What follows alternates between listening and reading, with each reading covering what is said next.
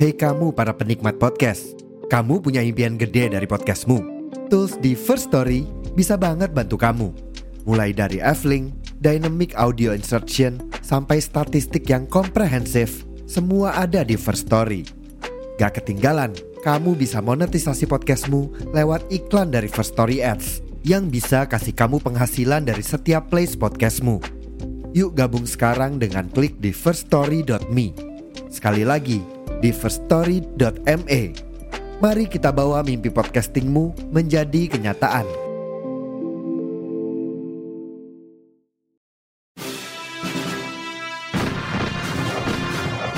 Saya berbicara di sini sebagai penyambung lidah rakyat Indonesia.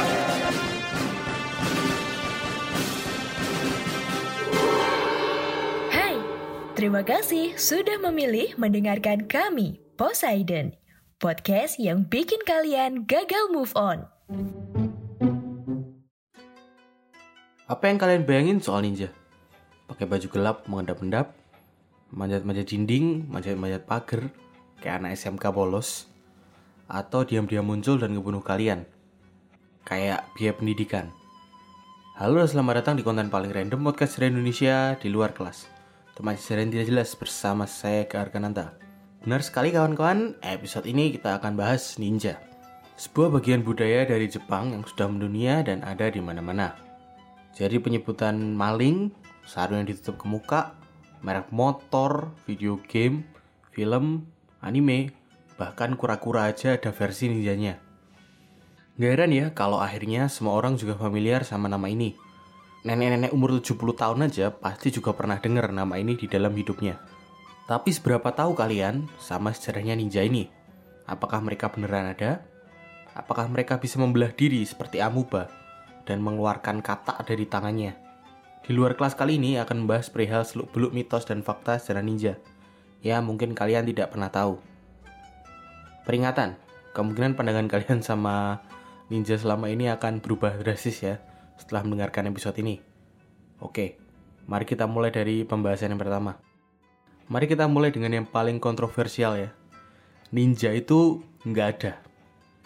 Benar sekali, kalian nggak salah denger. Ninja itu nggak ada. Sabar dulu, sabar. Gak usah emosi. Biar saya jelasin dulu. Konsep ninja ini tuh baru jadi populer sebagai hal yang modern sebenarnya dan baru muncul ini tuh pertengahan abad kemarin, abad ke-20 ya. Pertama, dari segi etimologi atau dari segi bahasa, istilah ninja ini tuh baru munculnya memang abad kemarin. Karena sebelumnya, huruf kanji yang membentuk kata ninja ini tuh dibacanya lain, yaitu shinobi atau dari istilah lengkapnya, biasanya lebih lengkapnya adalah shinobi no mono atau orang yang bersembunyi. Terus gimana soal eksistensi ninja? Apakah mereka beneran ada dalam sejarah Jepang? Jadi gini, menurut penelitiannya sejarawan yang memang menekuni bidang militer Jepang ya, namanya Dr. Stephen Turnbull, ninja yang sesungguhnya ini tuh sangat berbeda dengan gambaran ninja yang ada di pop culture sekarang. Seringkali, ninja ini digambarkan sebagai kelompok pasukan khusus yang beroperasi selama periode Sengoku Jidai atau selama zaman Sengoku. Abad ke-16 ya, di mana Jepang memang terpecah belah wilayahnya di bawah kekuasaan masing-masing daimyo ya, atau kepala keluarga samurai yang paling kuat di wilayah masing-masing. Dan ninja ini katanya bekerja di bawah mereka. Dengan dua kelompok ninja yang paling terkenal ini tuh ada dari klan Iga dan dari klan Koka atau klan Koga. Dalam risetnya, Dr. Turnbull menemukan kurangnya bukti dari keberadaan atau eksistensi ninja sebagai kelompok mata-mata dan pembunuh handal yang katanya aktif dalam zaman peperangan ini. Yang beliau temukan adalah istilah shinobi ini tuh lebih berkaitan pada kegiatan mata-mata atau espionase secara general, secara umum. Hal ini yang berarti kegiatan ninja ini tuh nggak eksklusif hanya ada di Jepang.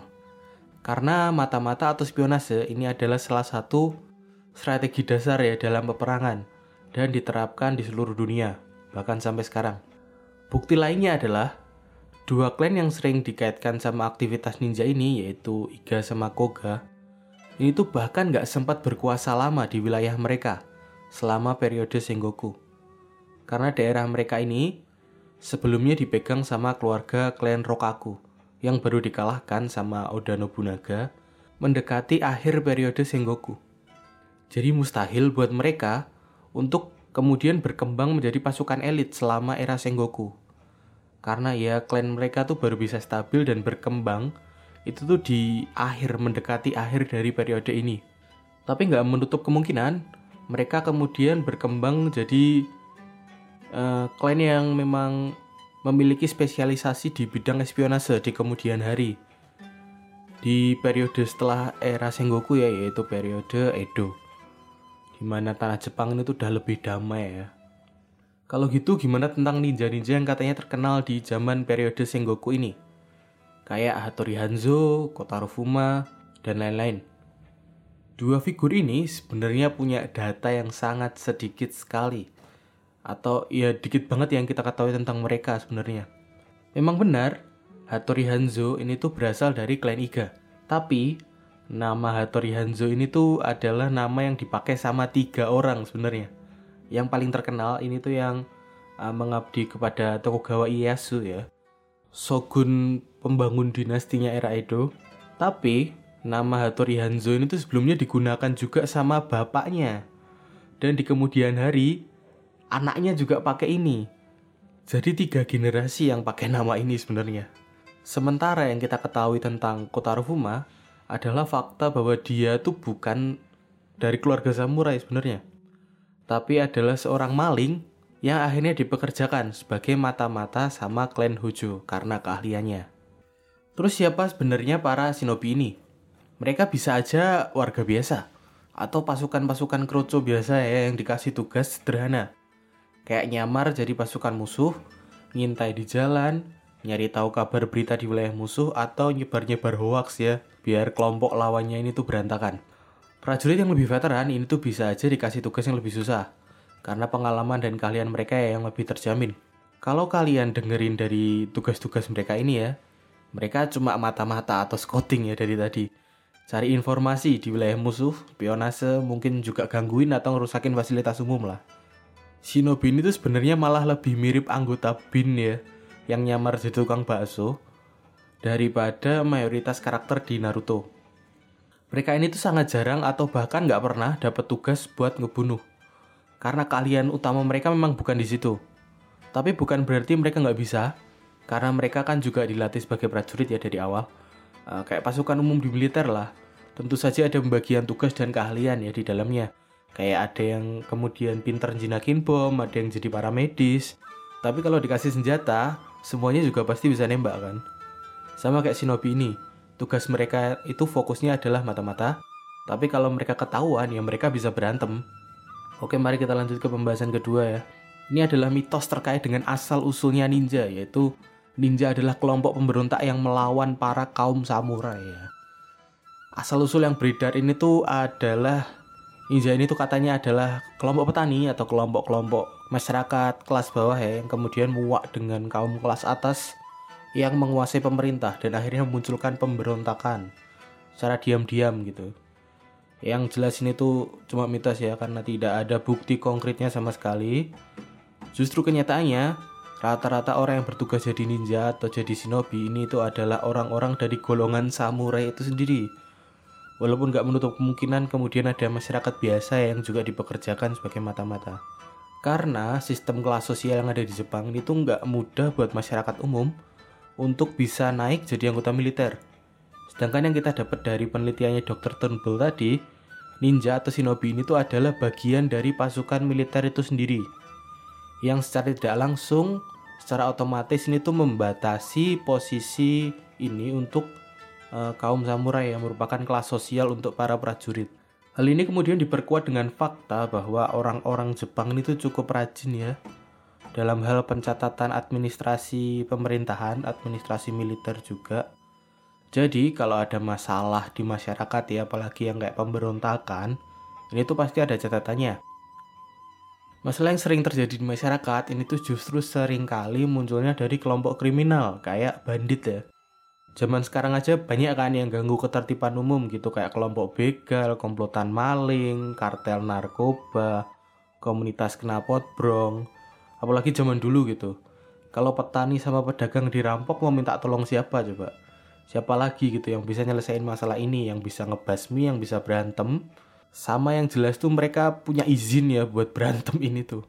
Jelaslah kaum samurai ya memang punya keahlian, punya sumber daya yang dan jelas punya tanggung jawab ini memang dalam masyarakat. Mitos di mana ninja ini tuh muncul dari petani ini tuh mungkin munculnya dari uh, berbagai senjata dan peralatan yang identik dipakai sama ninja ya. Ya memang mereka tuh biasanya terkenal pakai alat-alat kebutuhan sehari-hari gitu kayak alat-alat pertanian memang.